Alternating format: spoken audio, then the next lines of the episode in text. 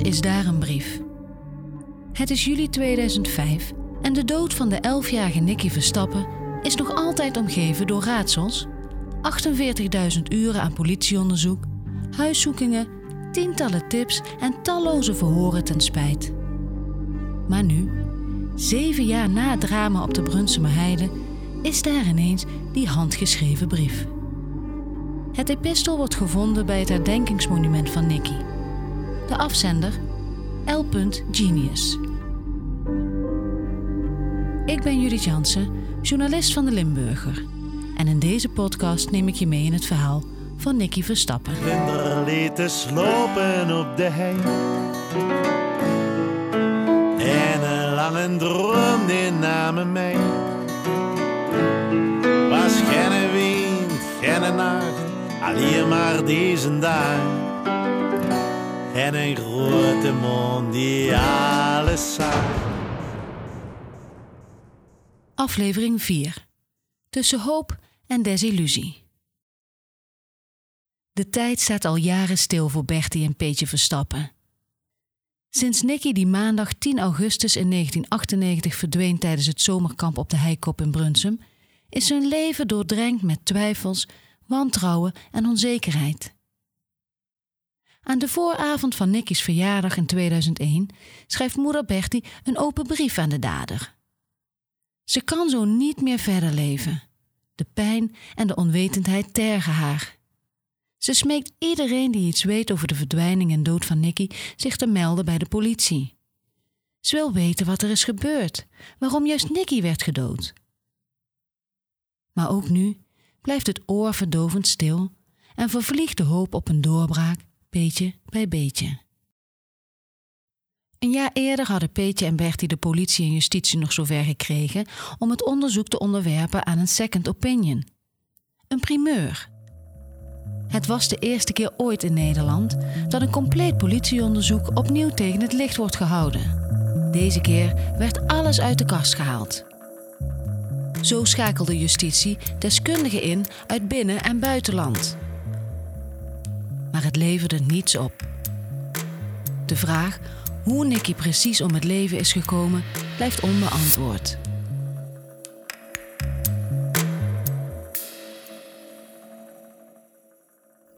Maar de ouders geven de hoop niet op. En ook de hoofdofficier van justitie houdt de deur nog op een kier. Als nieuwe feiten zich aandienen, kan het onderzoek alsnog worden geopend, belooft hij. In 2001 arresteert de politie een 58-jarige man uit Kerkrade, Willem C. Een pedofiel, notoir zedendelinquent en bezoeker van de homoscene op de Brunsumerheide. Maar de politie heeft geen bewijs en moet de man laten gaan. Bijna een jaar later wordt nog een man opgepakt die een stiefbroer zou zijn van een van de kampleiders uit 1998. Maar ook hij komt snel weer vrij. Misdaadverslaggever Peter R. de Vries, die de zaak nog steeds hoog op zijn prioriteitenlijst heeft staan sinds die spraakmakende thema-uitzending in 1999, is kritisch op de politie. Hij vindt dat ze onvoldoende middelen heeft ingezet en veel onderzoeksmogelijkheden heeft laten liggen. Onbegrijpelijk en onverteerbaar. Deze moord moet en zal worden opgelost. Ik zal daar in ieder geval alles aan doen. Was er sprake van tunnelvisie? Heeft de politie zich al die jaren niet te sterk gericht op de kampleiding? Vragen, vragen, vragen. Maar antwoorden laten nog steeds op zich wachten. En terwijl de tijd verstrijkt, verdwijnt de tragedie rond het jongetje steeds verder naar de achtergrond. Om te voorkomen dat niemand meer aan de zaak denkt, plaatsen de opa en oma van Nicky in 2003 een groot vraagteken op de plek waar een kleinzoon werd gevonden. Maar twee jaar na dato ligt er dus ineens een brief bij het monument. Later volgt er nog één. En nog één en nog één. In totaal worden in anderhalf jaar tijd acht brieven gevonden bij het herdenkingsceltje van Nicky op de Brunsumer Heide. De brieven, van ene L. Genius, zijn onsamenhangend en in rijm geschreven. Zo schrijft hij: Wat dacht je van een Joegoslaaf? We waren braaf. Vluchten. Ons valt niets te duchten. Mespoes.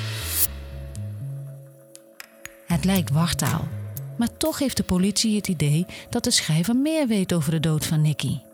Vooral de laatste brief bevat volgens de politie zoveel specifieke informatie dat ze de scribent in januari 2007 arresteert. De brievenschrijver blijkt een in zichzelf gekeerde vrijgezel die zich graag voortbeweegt op inline skates.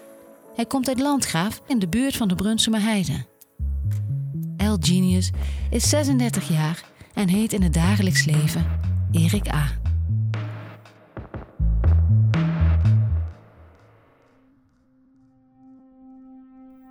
Weet hij meer? Beschikt hij over de ontbrekende puzzelstukken van de laatste uren van Nicky? Onthult hij het duistere geheim van de Brunsumer Heide? Nee. Erik A. kampt met psychische problemen en waanideeën, maar heeft niets te maken met de dood van Nicky, zo concludeert justitie. Het dossier kan weer dicht.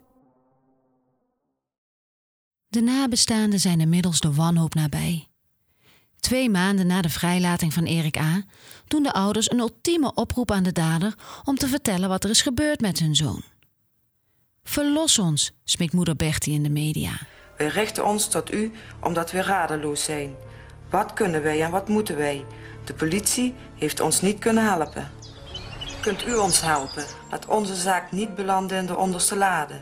Radeloos en grijpend naar elke strohalm. Peter, Bertie en Femke Verstappen maar het blijft muisstil. De familie krijgt in 2007 nog een klap te verwerken. Het monumentje in de buurt van de plek waar Nicky werd gevonden wordt vernield. De granieten dekplaat is met grof geweld in stukken geslagen. Het werk van een gek, denken de nabestaanden, en ze doen aangifte bij de politie die een onderzoek start. Het monumentje wordt ondertussen een tweede keer vernield. Dit keer zijn de pijltjes afgezaagd en zijn de bloemen uit de bakken gerukt.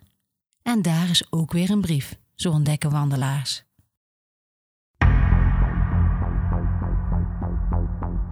De politie gaat op zoek bij een oude bekende, Erik A., de vrijgezelle inlineskater. De politie pakt hem opnieuw op en hij krijgt drie maanden cel opgelegd voor de vernieling en het bedreigen van een agent tijdens een arrestatie. De rechter acht hem van minder toerekeningsvatbaar. De gemeente Brunsum laat een nieuwe gedenksteen maken, maar ook die wordt twee maanden na plaatsing kapot gemaakt. De familie Verstappen, Murf gebeukt door het constant zweven tussen hoop en desillusie, besluit om voorlopig geen energie meer te steken in het herdenkingshuiltje.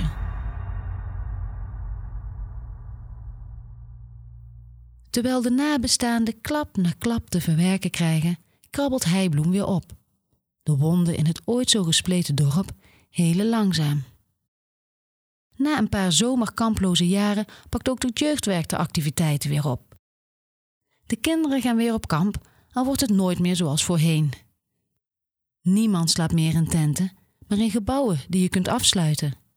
En om de havenklap controleren de kampleiders of alle kinderen er nog zijn. Niemand is vergeten wat er met Nicky is gebeurd. De huiver blijft.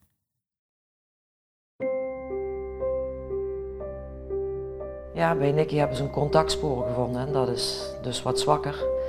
Maar ja, met die nieuwe technieken allemaal kunnen ze dat ook verbeteren. Dus uh, die hoop hebben wij heel erg dat dat bij ons op een duur ook kan. De hoop moet je nooit opgeven, dat zie je nu alweer. Dat, uh, het kan altijd.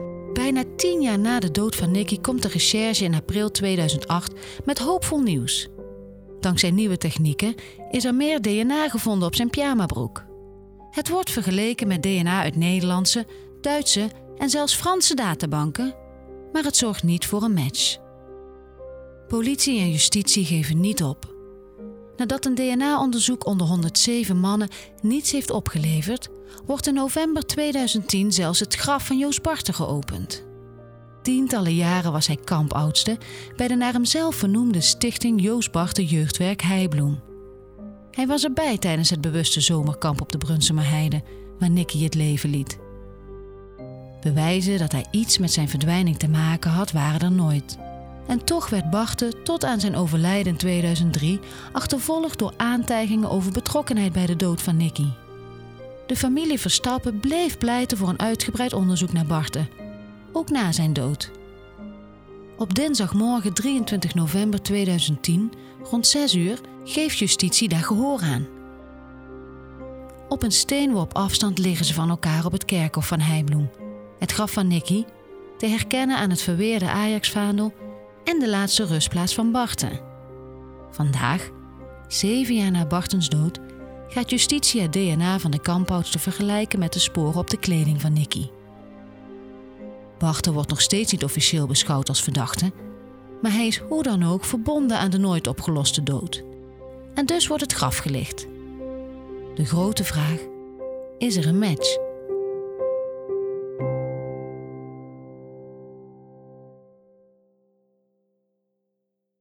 Een paar dagen later geeft justitie uitsluitsel. Het DNA van Barten komt niet overeen met de sporen die op de kleding van de jongen zijn gevonden. Moeder Bertie reageert verslagen. Haar vurige hoop op een doorbraak is opnieuw ijdel gebleken. Jaren gaan voorbij. De zaak sluimert verder zonder dat het tot nieuwe openingen leidt. Af en toe duikt de kwestie weer eens op in het nieuws. Het dossier wordt opgepakt door een cold case team. De nabestaanden van Nicky doen nog eens een hartverscheurende oproep aan de dader om zich te melden. En opnieuw pakt de politie Erik A. op voor het vernielen van de gedenksteen. Het zijn spaarzame oprispingen in een slepend dossier. Inmiddels is elk takje op de Brunsumer heide waar Nicky's lichaam werd gevonden omgedraaid. Iedereen die in de buurt was onder de microscoop gelegd. Niets. De zaak zit muurvast.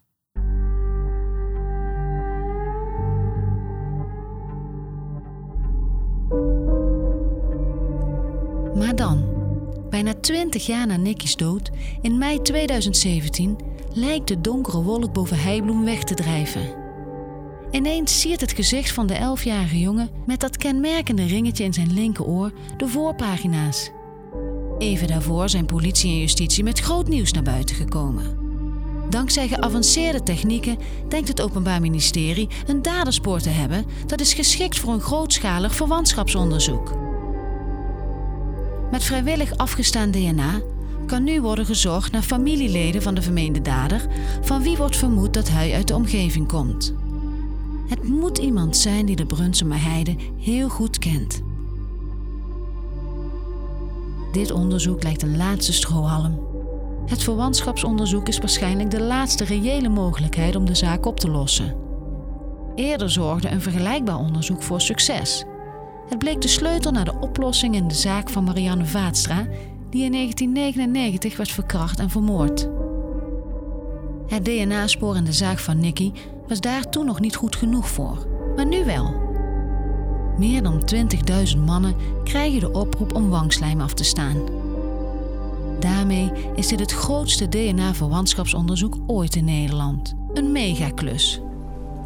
Dit grootscheepse DNA-verwantschapsonderzoek is onze allerlaatste strohalm. De, de laatste kans om een antwoord te krijgen. Wie heeft dit gedaan?